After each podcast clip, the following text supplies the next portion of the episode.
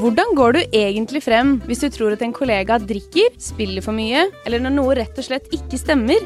I denne podkasten tar vi opp temaer som av mange oppleves utfordrende å snakke om, og hvordan du går frem for å gjøre noe med det. Velkommen til podkasten Ta praten.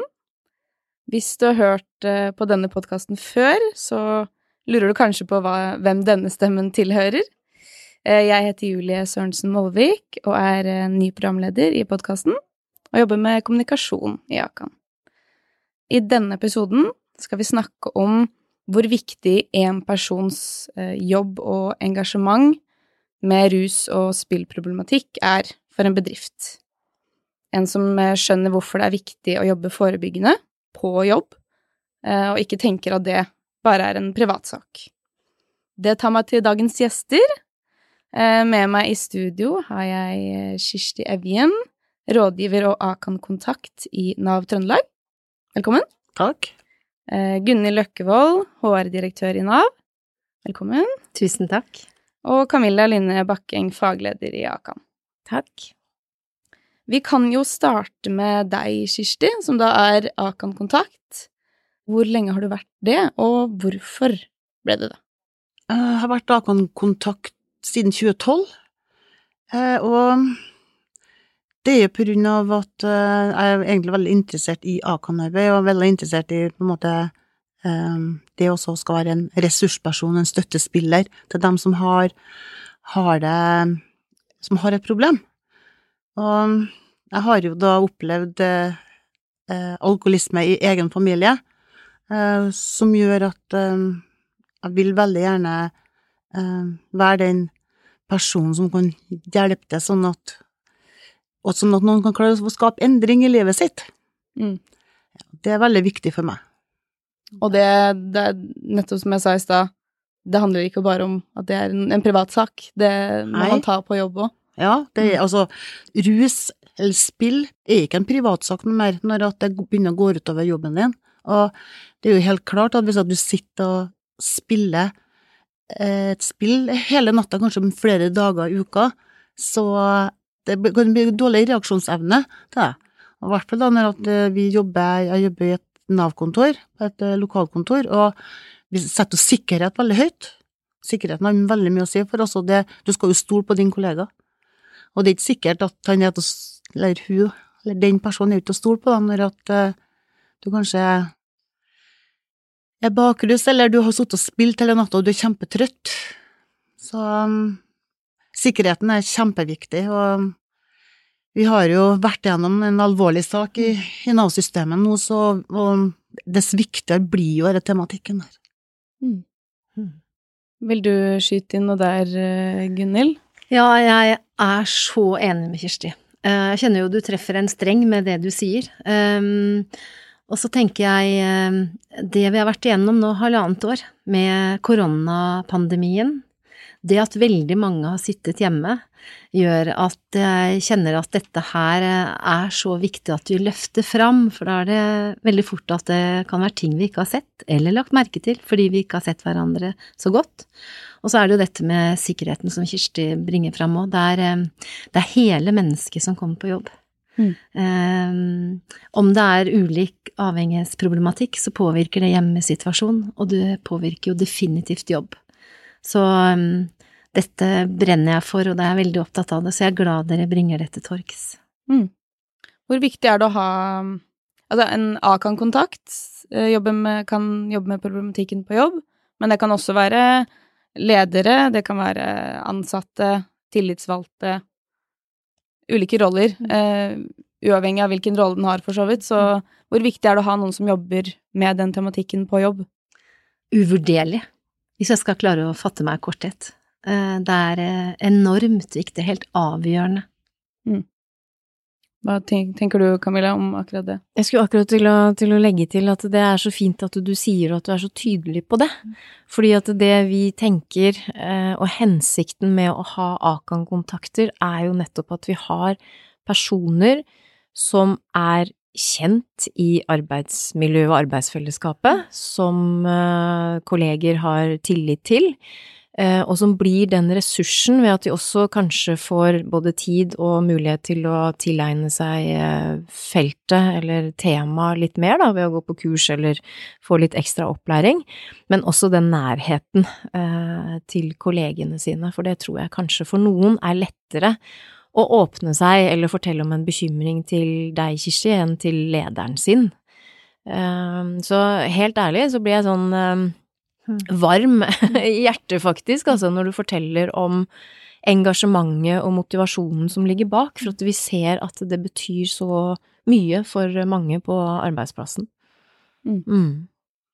Det er liksom noe med det der at bare det at du på en måte har et hjem som på en måte altså Til meg så var det jo alkohol da, som var i hjemmet mitt, da. Men bare du har det, så påvirker det faktisk Det påvirker min arbeidsevne, da. Det. Det påvirker mitt sosiale liv, det påvirker på en måte hele livet mitt. Hele livet mitt gikk inn, inn i det der. Sånn at det er på en måte ikke bare den som har et problem som, som eh, det går utover, men det går utover faktisk alle rundt. Mm. Og det er også en, en, en veldig viktig sak å ta med seg på det at en skal hjelpe noen til å få til en endring i livet sitt. Mm. Så det er det, det, jeg brenner så gærent for det reaksjonsarbeidet. Det der at vi, vi, altså hvis vi ser at noen har et problem, så, så går det an går det an å ta et bitte lite spørsmål. Eller ta dem litt til sides, ta med seg drikke en kopp kaffe, et eller annet sånn som du prøver å finne tak litt i hva det er for noe. Det kan jo være depresjon, sant, men det kan jo også være at du er nødt til å selvmedisinere deg på en måte. Sant, så Nei, det, det er kjempeviktig. Og jeg ser jo det, ikke sant, at de få gangene det har kommet opp en sak, da, for at jeg, jeg må med sånn Nakan på jobb, må si at det har vært én alvorlig sak som vi har tatt tak i, som ble en Nakan-kontrakt ut av, men så har vi hatt en sak til som på en måte det ikke eh, Det er neglisjering og fornekting, da, er det. Mm. Men vi vet jo, vi ser jo det at her er det et menneske som virkelig sliter. Mm. Og da, på en måte, da kommer jo lederne til meg, da, Kirsti, hva gjør jeg nå? Sant? Her, her har aldri vært borti før, jeg aner ikke hva jeg skal gjøre for noe. Mm. Så det er liksom noe av det der med Mm. at du har noen, da, og så Og jeg, telefonnummeret til Akan kompetansesenter, den har jeg ringt noen ganger, altså. For også å få råd og veiledning, og være trygg på det at du gjør de riktige tingene, at og sånne ting. Og så er det liksom å trygge ledere på det at, eh, at reaksjonsarbeid er det viktigste en gjør når han skal på en måte gå inn i det her. For det er ikke noe vits. Sant? Hvis at jeg kommer og sier vet du, at det, det lukter alkohol av han og han eller hun og hun, så er det ikke noe vits å vente i morgen med å ringe. Nei. Mm. Nei. Da, det er ikke noe, da har du på en måte Da har du glippa, da. Mm. Mm. Jeg tenker ledere og medarbeidere som er så heldige å ha deg som en støttespiller, Kirsti, de er virkelig heldige. For jeg tror, når du bringer fram det det er den som har et problem, som trenger en positiv endring, og trenger hjelp til å få til en positiv endring i livet sitt. Eh, Men så er det også ledere som ofte er usikre, ikke sant? Det, mm, hvordan skal vi gripe fatt i det, og da, da blir det jo i hvert fall ikke bedre for den som faktisk har eh, denne utfordringen, da. Så det, mm, det er tilbake igjen til det vi snakka om i stad, uvurderlig å Mm. ha eh, den eh, erfaringen eh, og den gløden eh, som du har inni det her. Det, det kjenner jeg gjør godt. Jeg blir også glad og varm om hjertet akkurat av det. Eh, også fordi det at jeg tenker eh, at dette er problem som ofte går litt under radaren, og det tenker jeg også nå inn i sånn når vi har post korona. Heldigvis måtte det vare. Eh, Men vi ser jo det at det kan være mange så tenker man fort at nei, men det er litt sånn høy dørstokk for å komme tilbake på jobben og vente seg til å være hjemme og varmt og godt, nå liksom kom det litt snø i går, ikke sant. Eh, Men det kan også være andre saker. Ikke sant, så at vi virkelig har radaren ute på det. Eh, Og uansett hva det er, da, eh, noe som oppleves som problematisk, sånn at det faktisk er at man får til den eh, positive endringen eh, i livet sitt. Mm. Og få hjelp.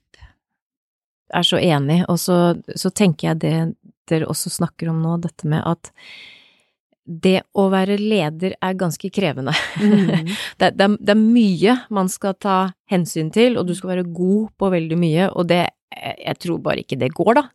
Eh, og det er ikke lett å få med seg alt heller. Så det å ha da ressurser Mm. eh, nær seg som man kan bruke HR er jo én støttefunksjon, ikke sant, men også å ha noen veldig nært på arbeidsplassen i form av Akan-kontakter. Verneombud eh, kan jo være en annen rolle, kanskje til og med tillitsvalgte. Men å ha de rundt seg som man kan få støtte av og søke råd hos, eller eh, ja, kunnskap hos, eller bare kunne reflektere eller diskutere litt sammen, for det kan man jo uten å nevne navn også, ikke sant? Eh, Men å få den støtten, det tror jeg er kjempe, kjempeverdifullt for Eller jeg vet det er verdifullt for ledere, for vi får jo disse lederne som ringer inn til oss på Akans veiledningstelefon, sant? Som sitter med en bekymring, og som ikke vet hvordan de skal håndtere det, og, og kanskje ikke vet hvem de kan snakke med, eller hvor de kan søke råd, da. Så uh, i både en hektisk hverdag og i et felt som fortsatt er krevende, vanskelig, sårbart, absolutt skambelagt, så, så trenger vi de ressursene rundt oss som, uh, som vi kan ha. Og det, altså, for eksempel Akan Kontakt er jo liksom Akans eh, lange arm ut i bedriftene. Fordi vi, Ja. vi møtte noen her i går, eller når det var, som, eh, som trodde vi hadde sånne regionskontorer rundt omkring i Norge. Eh, Men vi har jo bare litt kontor i Oslo. Med hvor mange rådgivere er det? Nå er vi seks, da. Seks Mm. rådgivere som holder kurs, og det sier seg selv at det ikke er mulig for oss, på en måte, da, å, å kunne være ute mm, i bedriften og, og følge med sånn sett. Så da man er helt, eh, helt avhengig av de rollene i bedriftene. bedriftene Man er som det. jobber med det her.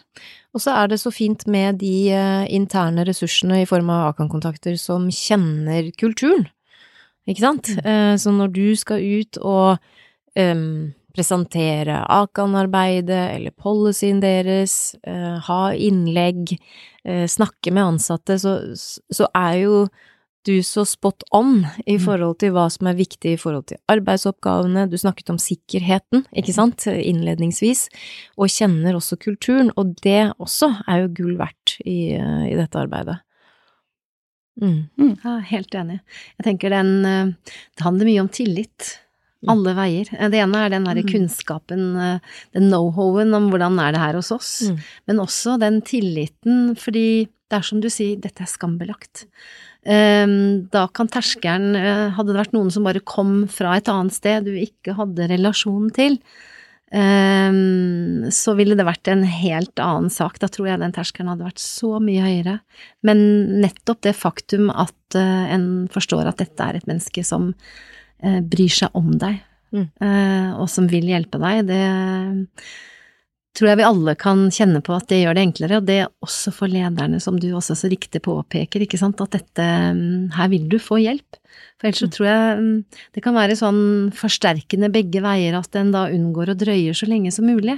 Som du sa, Kirsti, venter til neste dag, vet du, dette må jeg tenke om, dette er vanskelig. Og det er jo sånn iboende i oss at eh, det er jo ikke sånn at nei, i dag begynner jeg med det vanskeligste. Vi har jo en tendens til, dessverre, eh, helt menneskelige, å skyve på det. Og det Mm. kan jo være katastrofalt. Vi snakka jo litt om, eller vi har snakka litt om på en måte de som har problemer, er kanskje avhengig av et eller annet, eller som, som man vet sliter. Men eh, vi jobber jo også veldig mye med forebygging. Det er jo Mm. egentlig det vi helst ønsker å gjøre. um, og i den forbindelse, dere har jo nå, eller Nav Trøndelag, har jo en Akan-måned nå i oktober. Eh, vil du fortelle litt om eh, liksom, hvor det kom ifra, Kirsti?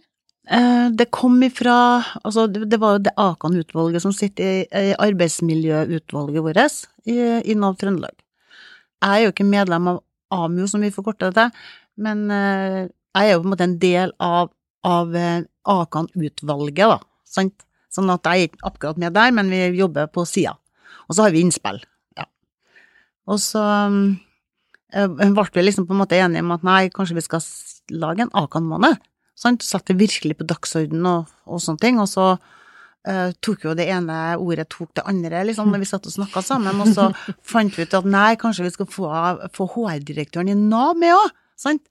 Og så kanskje vi skal lage et webinar, og så ble det liksom det ene ja, tok det andre. Så ble det på en måte spilt inn et webinar med at uh, Gunhild kom til oss da på besøk. Og så var det den var fylkesdirektøren i Nav Trøndelag med.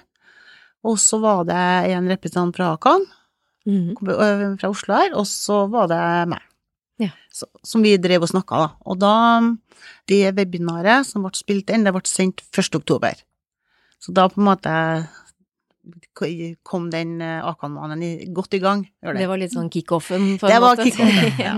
ja. Så det var da et eh, webinar som er spilt inn, som ble liksom sendt ut til alle ansatte, da. Alle ansatte. Mm. Og det var på en måte gått ut fra alle lederne om at eh, alle sammen skulle se. Mm. ja. Og så har vi holdt på Etter det, da, så har vi vært i Akan-utvalget. Vi har vært på, på noen flere sånne eh, kontor og hatt innlegg om Akan. Og så har vi påvirka alle verneombudene i Nav Trøndelag rundt omkring. Det, det er jo ett verneombud på hvert et lite kontor, så det er noen verneombud i et stort fylke. Ja. Så vi fått påvirka dem til å gå ut og snakke med kontoret sitt, og på en måte gjøre det kjent. Mm. Og så skal vi ha nå en, en formsundersøkelse som vi sender ut i etterkant, om, om det var noen som eh, savna noen ting, eller om det var andre tilbakemeldinger og sånne ting. Mm. Så, og så har vi ennå et eh, Vi skal på arbeidslivssenteret eh, neste uke og ha et innlegg. Mm. Mm. Så da snakker vi om det, og prøver å gjøre arbeidet vårt kjent. Dette er jo kjempegode eh, eksempler på forebyggende tiltak, syns jeg, som er til eh, etterlevelse for andre virksomheter, for det er en god måte å sette det på agendaen eh, og spre informasjon. Og dere skal ikke se bort ifra at eh, det dukker opp noen saker i etterkant av, eh, av sånne type kampanjer. Det Mm. vet vi jo fra andre Mm. eh, ja, virksomheter som setter det på agendaen i form av å ha et kurs, eh, eller på andre måter, da. For da plutselig så får folk det lenger fram i pannebrasken, ikke sant, og får den lille reminderen på at eh, dette er også et tema. Eh, så det hender jo at det dukker opp saker etter det. Mm. Noen trenger bare den lille døra så vidt åpen, til at man tenker at ok, det kan man faktisk Mm. si fra om på jobb. Mm. At det, det handler ikke bare om Eller ja, det er ikke noe man må være stille om, da. Mhm. Nei, overhodet ikke. Jeg tenker eh, Det er jo en myte, som noen sier, at eh, trønderne er trege. Men dere, når det gjelder Nav Trøndelag, så kan vi bare ta livet av den med en gang. Eh, For jeg må si at det er et forbilledlig arbeid som har vært gjort der. Jeg var kjempeglad når jeg fikk lov å komme til dere og være med på, på den ikke, Det var jo ikke podkast, i dag er det podkast. men eh, i ettertid så er det også blitt delt på en sånn Vi har en sånn teamsite for alle HR-rådgivere i Nav. Eh, det er også eh, på sidene som vi har for det AMU, som er for alle sammen, AMU Arbeidsmiljøutvalget.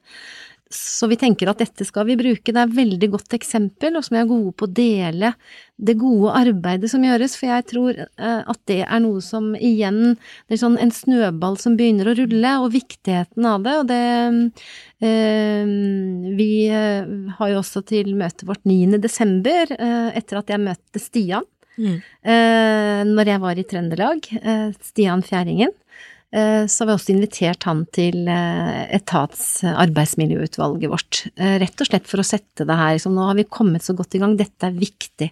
Det som må, det som løftes frem, eh, har en tendens til å få mer oppmerksomhet enn at det er som en del, det er i rekken av alt det andre.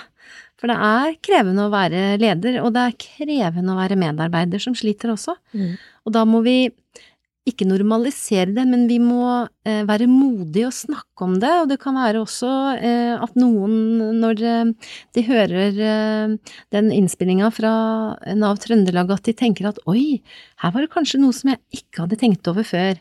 Eh, så vi, vi både øker kunnskapen, eh, men også bevisstheten, da. Mm. Veldig enig i det. Kirsti, du har vært Akan-kontakt i mange år, Mm. men hatt veldig, veldig få Akan-saker. Mm. Da kunne dere jo tenkt at her er det ingen som har noen problemer, og det er yes, tommel opp, liksom. Men i stedet så kommer initiativ som Akan-måneden. Hvorfor, hvorfor det? Det er for at eh, det er ca. 10% av arbeidsstokken i Norge som har et avhengighetsproblem. Enten med rus eller med spill eller ja. Altså, nå snakker jeg nå ut ifra Nav, da, og, og, og hvis at vi skal si at vi er 19 000 ansatte i Nav, så er det jo mange personer som statistisk sett skal ha et problem. Sånn at, eh, og likedan i Nav Trøndelag så er det jo 1000 ansatte. Sånn at eh, det er nok bare eh, toppen av et isfjell vi ser. Og jeg regner med det at det er mange, mange mørketall her, som mange, mange som sliter, og som ikke får hjelp, og som, som ikke vet hva de for det, det, er ikke, så greit, det der å gå til lederen sin og si det, vet du, at jeg har et problem med. Og så, først så er du redd for jobben din, og så er du redd for statusen din, og så er du redd for det, sant, at du kanskje du blir satt langt innerst inne i en korridor inni et mørkt krok, og så, så er det for oss med andre arbeidsoppgaver, og så er det det der med at det er så skambelagt, sant, og så føler du på en måte at du mister på en måte, du mister statusen din i, i, et, i et mm. kontor, ikke sant. Jeg tror mange går rundt og tenker litt sånn, at eh, nei, det ble ikke noe mer med meg nå, nei. Sant? Det er litt sånn at det, det, er så Det er så vanskelig, det der. Ja. Det tror jeg du har helt rett i. Ja, det, det, det er kjempevanskelig. Og det er noen ganger jeg tenker som så at eh, Og da er det bedre kanskje å gå til en annen tredjeperson å snakke med, mm. hvis at du på en måte Men allikevel så er det jo Det vet jo alle sammen som bare som leser HMS-rutinene og sånn, så vet de jo det at lederen eh, skal jo ha beskjed uansett. Jeg tenker Hvis du går til bedriftshelsetjenesten eller noe sånt, at det kan være på en måte litt mindre farlig, bare for å få hjelp, men skal du på en måte ha en, en kontrakt sant, som gjør at du skal på en måte komme deg gjennom det her, og du skal på en måte eh, ikke miste jobben din, du skal faktisk være jobben din. Mm. Men så må lederen din vite det. Ja.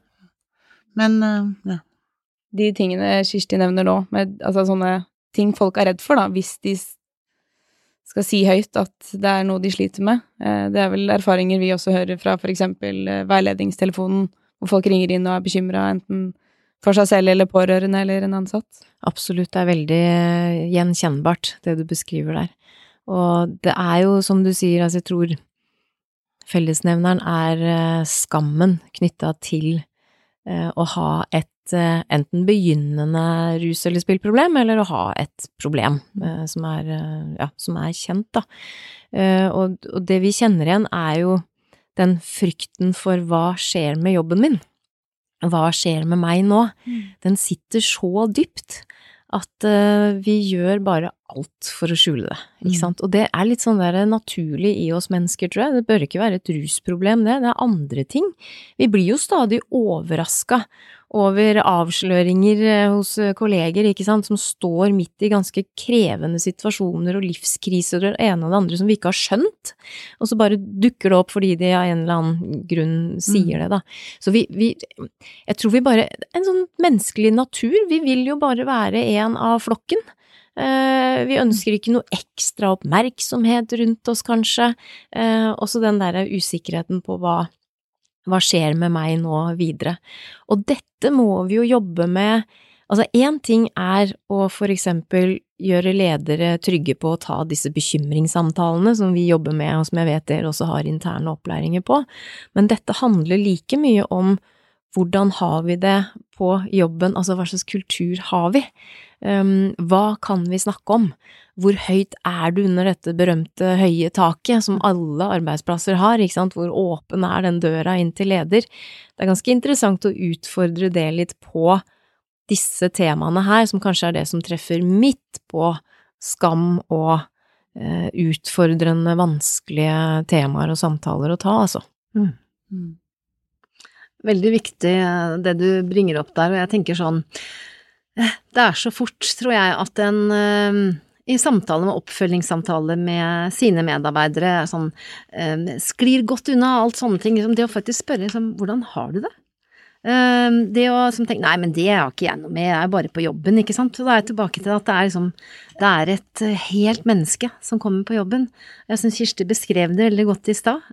Også med det, som det å ha i ryggsekken også personlig erfaring med det. Mm. Um, men det, jeg tror mange som det, Dette er jo så skambelagt at jeg tror mange selv vil kjenne at det å dele den bekymringen med en veldig nær venn er vanskelig. Og da kan vi jo forstå hvor vanskelig det er eh, på en arbeidsplass, ikke sant, Mm. som også handler veldig mye om identiteten din. Har man en kultur hvor det å, hva skal jeg si, vise seg svak, eller si at vi er jo bare mennesker, vi har eh, dager på godt og vondt alle sammen. Eh, Det er ikke alle dager jeg spretter opp bare jippi, Gunhild, nå er det mandag, å, så fin du var i dag. Eh, Det hender jo at det er noe annet som eh, hodet mitt forteller meg, da. Mm. Men det, der tenker jeg det handler oppriktig om å bry seg om folka sine, og følge med på ting når liksom noe plutselig endrer seg. For det kan jo også være nå, tenker jeg, etter koronaen. Mm. At det er sånn, nei, men det er vel ikke bare fordi det har vært litt lite sosiale trening, kanskje, med hjemmekontor og ikke så stor omgangskrets. At vi er oppmerksom på endringer i atferd eller andre ting som um, og da si at det er ikke for å bry meg, men jeg, det bekymrer meg litt. Jeg Mm. bryr meg om deg, vet du. Vil veldig gjerne hjelpe deg hvis det er noe. Ja. Um, og jeg liker å tro at vi har mange ledere i Nav som er gode på det, men jeg er helt overbevist om at uansett hvor gode de er, så trenger vi ildsjeler som Kirsti og andre Akan-kontakter rundt omkring Mm. for at det skal bli bra. Og det jeg har erfart, er jo også blant de som har en leder som har tatt den bekymringssamtalen med vedkommende, eh, hvor de selv sier etterpå at det, det var ganske sterkt å bli invitert inn til en samtale av lederen min, som jeg har respekt for og tillit til, og så videre, og få den, altså den beskrivelsen av at jeg er bekymra for deg. Hva handler det om? Altså, det er ofte sånne samtaler som, som setter seg ganske godt, altså. Og hva handler det om? Jo, det handler jo om at vi har et ønske og et behov alle sammen for å bli sett, ikke sant, på jobb. At det har, det, er- det, det har en kjempeeffekt, og kan sette i gang så mange prosesser hos folk. Fordi som dere sa, jobb er identitet, det er så viktig for oss. Så um, vi må aldri, aldri undervurdere eh, effekten av eh, å bli spurt eller samtaler eh, mellom kolleger eller fra en leder, altså. Det, vi vet at det setter i gang så mange prosesser hos folk som kan føre til ganske store livsendringer. eh, Så, så det må vi bare trygge, eh, trygge oss selv på, både kolleger og, og ledere på i enda større grad. Mm. Mm. Hva håper dere å oppnå med Akan-måneden, Gunhild? økt bevissthet, og at eh, eh, Jeg tenker den forebyggingssaken ved at vi Hvis det er noen av kollegaene våre, og det er det helt sikkert, som Kirsti sa, som eh, sliter nå, eller som er i ferd med å pådra seg avhengighetsproblematikk av en eller annen art, at det blir fanga opp, eh, siden vi setter det så tydelig på dagsordenen. Og så håper jeg også at en sånn fin bivirkning av det vil være det her med at vi er litt oppmerksomme på andre saker òg, nå med post-korona, da, for jeg tenker det er eh, det er ikke sånn at dette er Akan, og dette er noe annet. Det er, eh, jeg synes du beskriver det veldig fint, Camilla, men det er hele mennesket, det er andre saker som kan gi seg utslag på litt sånn andre ting, men det er ikke hva, som, hva er roteårsaken her, Mm. hvordan kan vi gripe fatt i det, da? Og det mm, jeg har erfaring med en sånn sak, det var før jeg begynte i Nav, jeg jobba i Nav i fem og et halvt år, med en medarbeider som jeg var litt bekymra for. Og så var jeg som litt sånn skrapa litt på overflaten, og jeg liker å tro at jeg er en person som jeg bryr meg om og sånn, men så kjente jeg at liksom nei, kanskje det er andre ting privat, og litt sånn samlivsbrudd, og det hadde vært litt sånn små småting, eller ikke småting, men som jeg visste, som jeg kanskje tenkte at nei, men det er sikkert det. Men så begynte det å skli såpass kraftig ut, og jeg tenkte at nei, dette her, nå må jeg. Og dere, jeg grua meg så til den samtalen. Åh, jeg sov dårlig den natta når jeg, vi skulle ha den praten. Men eh, jeg tenkte faktisk på det her om dagen, for jeg sendte vedkommende en SMS og gratulerte med bursdagen. Kjenner jeg nesten jeg blir litt rørt. Mm. Fordi eh, han har flere ganger takka meg etterpå Mm. for at jeg tok den samtalen. Mm. Og han kjente at jeg Det var fordi jeg brydde meg om han. Og han fikk en positiv endring i livet sitt. Og det er jo litt sånn eh, Jeg tenker det er viktig å ha med seg at eh, så lenge det gjøres i en kontekst hvor det er så tydelig at du viser at du vil personen vel, så liksom En angrer på at den ikke gjorde det. En angrer eh, Mm. aldri, tror jeg, på at man gjorde det.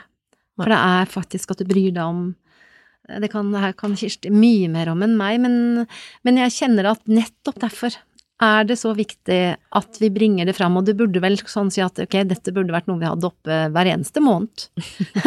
Eh, Men jeg tenker hyppigheten og sånn nå i kjølvannet av det som vi har stått i alle sammen eh, over så lang tid, det er klart at dette har satt spor. Vi har lært masse i Norge. Eh, Den digitale kompetansen har, og jeg syns i særdeleshet i Nav, virkelig, liksom virkelig hatt et kvantesprang. Men så er det en del saker som vi også må ta med oss og ikke bare overse. Være ekstra oppmerksom på det. Skru på antennene, skru de litt ekstra godt ut nå, for det tror jeg vil gjøre godt for de som er i ferd med, eller allerede har, pådratt seg et ganske stort problem. Mm. Det, handler, det er jo som du sier, det handler jo om å bry seg. Det handler jo ikke om å ta noen. Eller altså, det bunn- Bunntingen er jo det at man bryr seg om kollegaene sine, og ønsker at de skal beholde jobben og fortsette å være en kollega, som du sa til meg her en dag, Kirsti. Mm. Vær en kollega. Ja. Bry deg. Ja. Bry deg heller en gang for mye enn en gang for lite. Ja. Ta også eh, Hvis at du ser liksom at en av kollegaene din kommer på jobb og så med litt sånn flekkete bukse og kanskje litt fett hår og, og det har alltid vært en pertentlig person, ikke sant. Mm. Så ta en liten prat. Mm. Mm. Det kan Mm. være veldig lurt. Ja. For det er sånne ting, altså, eller mm, gått opp mye vekt, ikke sant, sånne ting. Det er sånn typiske tegn på det at det er noe problem, det er noe Mm. feil er det. Mm. Ta en prat om det, bry deg, vær et omsorgsmenneske. Og selv om du ikke får et svar, tenker jeg, som du kanskje kan slå deg til ro med, eller at du fortsatt har litt den bekymringen, så følg opp, som du Mm. sier, ikke sant. Spør Mm. igjen, da. Mm. Vis at du, du fortsatt liksom syns at det er noe som ikke stemmer helt.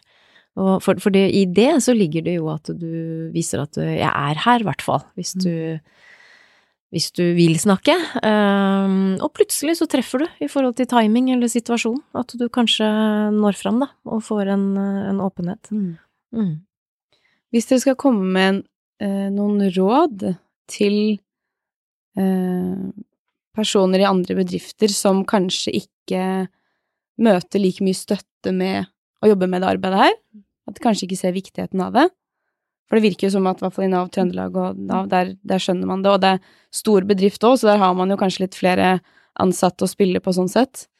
Um, hvilke råd har, har dere der til uh, hvordan man kan få forklart at dette er noe vi må snakke om og jobbe med? Gunhild, har du noen tanker om det? Ja, det er et veldig godt spørsmål. Um, um, og så er det litt sånn, er det råd til ledere, er det råd til en kollega som ser en annen kollega sliter? Uh, for det er jo litt sånn forskjell, men det er, det er riktig som du sier, det er klart vi er en Nav er en stor virksomhet. Eh, velordna, veldig mye på plass. Mm. Eh, er det en mindre virksomhet, så har man kanskje da Det er jo så mange ansvarsområder man har, og det er kanskje ikke så stort fokus heller. Det kan være en oppstartsvirksomhet, ikke sant, eller noe annet, da. Familievirksomhet også, andre ting, men det er mer å eh, Det samme egentlig, liksom, er det noe du lurer på, så spør. Spør heller en gang, eh, bry deg heller en gang for mye enn for lite, som Kirsti sa så godt. Og søk råd eh, hos andre, eh, ved å ta kontakt også, da. Akan, ikke sant, det er masse det er veldig mye kompetanse der, men det å være bevisst at det faktisk finnes, Mm. det er vel kanskje det beste rådet jeg vil si, men i hvert fall ikke lat som problemet ikke eksisterer.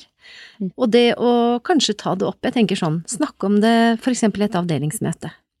Og si at jeg hørte her om dagen sånn, eh, i Nav gjør de det, eller der gjør de sånn.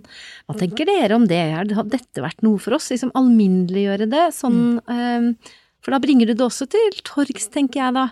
Eh, Men hvis en aldri snakker om det, ikke har det et fellesmøte, så blir det sånn ting vi ikke snakker om, og da blir det i hvert fall skambelagt. Ja.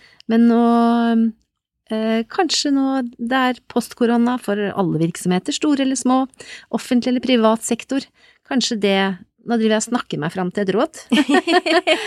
Jeg syns du har kommet med mange gode. Ja, det syns jeg jo allerede. Man tenker at det er generelt, men samtidig så er det Ja, ikke så er det jo akkurat det det handler om, da. Kanskje er det en knagg å begynne med, da, og så kan man kjenne seg litt fram. Mm.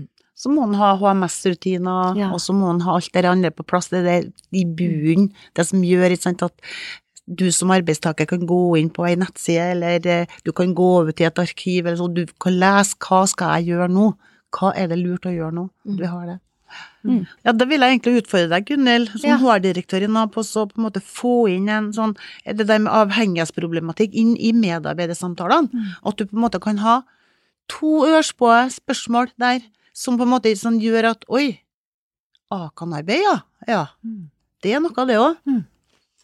Det syns jeg er en utrolig fin utfordring å få. Jeg er veldig glad du sier det også, Kirsti. For jeg tenker sånn, vi jobber faktisk i disse dager med å utvikle de samtalene våre. Og ikke at det bare skal være den ene store årlige magedraget, men eh, mer jevnlig oppfølging. Eh, et av de er nå med på en måte å snakke om kompetansebehov framover. Eh, som en del av dette med automatisering og digitalisering, ikke sant. For det, noen oppgaver forsvinner, og nye kommer til.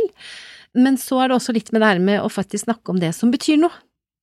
Hvordan har du det egentlig? Nå har det vært tøffe tider rundt koronaen. Eh, mange har sittet hjemme. Vi har akkurat hatt for eksempel da, en Akan-måned. Hva tenker du om dette? Eh, for, på en måte for å grave litt i det, men kanskje ikke sånn nødvendigvis ha det som et sånt Eller ha en sånn fin inngang på utfordringen, da, eh, om dette med en eller annen form for avhengighetsproblematikk. Men eh, kan ikke akkurat sånn her og nå si liksom da bør vi stille det og det spørsmålet, men da har jeg lyst til å utfordre deg litt tilbake, sjø. For da eh, også kunne fått litt hjelp i som sånn hva er en ålreit tilnærming, nettopp for å kunne få det til torgs. Så jeg tenker vi skal, det kan vi veldig gjerne snakke litt om, for da kan vi bake det inn på en klok måte. Eh, som oppleves ikke piggene blir, eh, kommer ut, men heller mer sånn avvæpnende. Omsorg. Omsorg, ikke sant, bry seg om. Mm. Så da var det sånn interne utfordringer i Nav her, det, Mm. vi liker Jo, det. men eh, det Det er sikkert mange bedrifter rundt omkring som har trengt den delen der. For jeg, jeg har tenkt på det flere ganger i tidligere jobber jeg har hatt. Mm. Jeg kan ikke huske en slags medarbeiderundersøkelse hvor det har vært snakk om eh, alkohol eller Mm. rus eller spill. Mm. og det er jo Det Mm. handler jo, som du sier, om hvordan man stiller det spørsmålet på. Det Mm. trenger jo ikke være 'har du en avhengighet', for det er jo Nei. veldig hardt igjen, på en måte. Men, ikke sant? men bare å få det opp på det nivået, da. Mm. Mm. Så det var jo helt uh, konge at jeg Ja. slutta med det her. Konge. Men samtidig så kjente jeg nå ga du, satte du meg på en idé også, Julie, fordi uh, i løpet av neste uke så Mhm. skal vi ha en ny spørreundersøkelse til alle ansatte i Nav. Er Neste uke, det, ja. Mm. Eh, Det er noen som jobber med det nå, så har vi jo hatt sånn som en del av de samme spørsmålene vi har stilt gjennom flere år. Mm.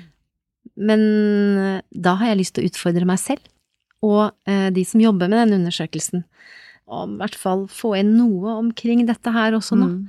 For det, vi kan få ganske mye bra innsikt i det, og i hvert fall så vil det være en økt bevissthet.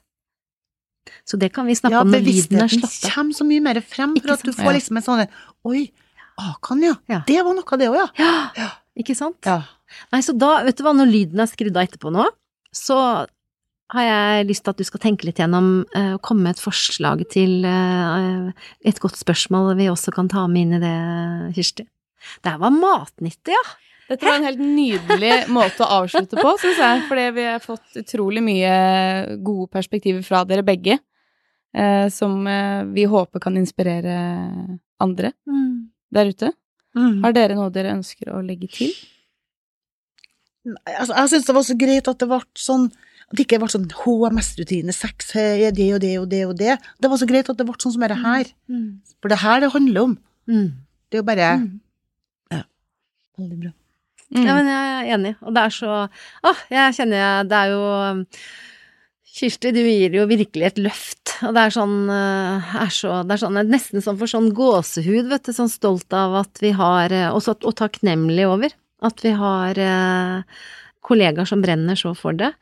Og så tenker jeg altså legge til, jeg tenker det ble en sånn Det kjennes godt å også vite at noen som kanskje lytter til det her, da, Kanskje er det det som gjør at de eh, får akkurat det lille dyttet, eller at det er en leder som hører det, som har en medarbeider som har gått og lurt på, så nå er liksom Vet du hva, nå må jeg gjøre noe med det. Mm. Det Da hadde jeg blitt veldig glad. Jeg liker å tro at kanskje vi har påvirka til det, da. Det må vi nesten håpe på. Det, Mm. det hadde vært helt gull. Om det bare er én person, så, Mm. Ja. Ja. Ja. så er det en stor Hjelp en Hjelp én person. Mm. Og så det der liksom at få, få hjulpet den personen før at liksom hus og hjem Ja. og jobb og bil og unger og kjerring drar også sin Mm. vei. Sant? Det er liksom å få det på plass før det. Før at alt raser. Mm. Ja. Ja. Veldig Ja. fint. Ja. Mm. Tusen hjertelig takk for at dere kom, begge to. Tusen takk for at vi fikk komme. Tusen takk. Veldig hyggelig. Takk for at du lytta til podkasten. Husk å abonnere, så får du neste episode direkte til mobilen din. Ønsker du mer informasjon om hva du kan gjøre, gå inn på akan.no. Er du bekymra? Ta praten.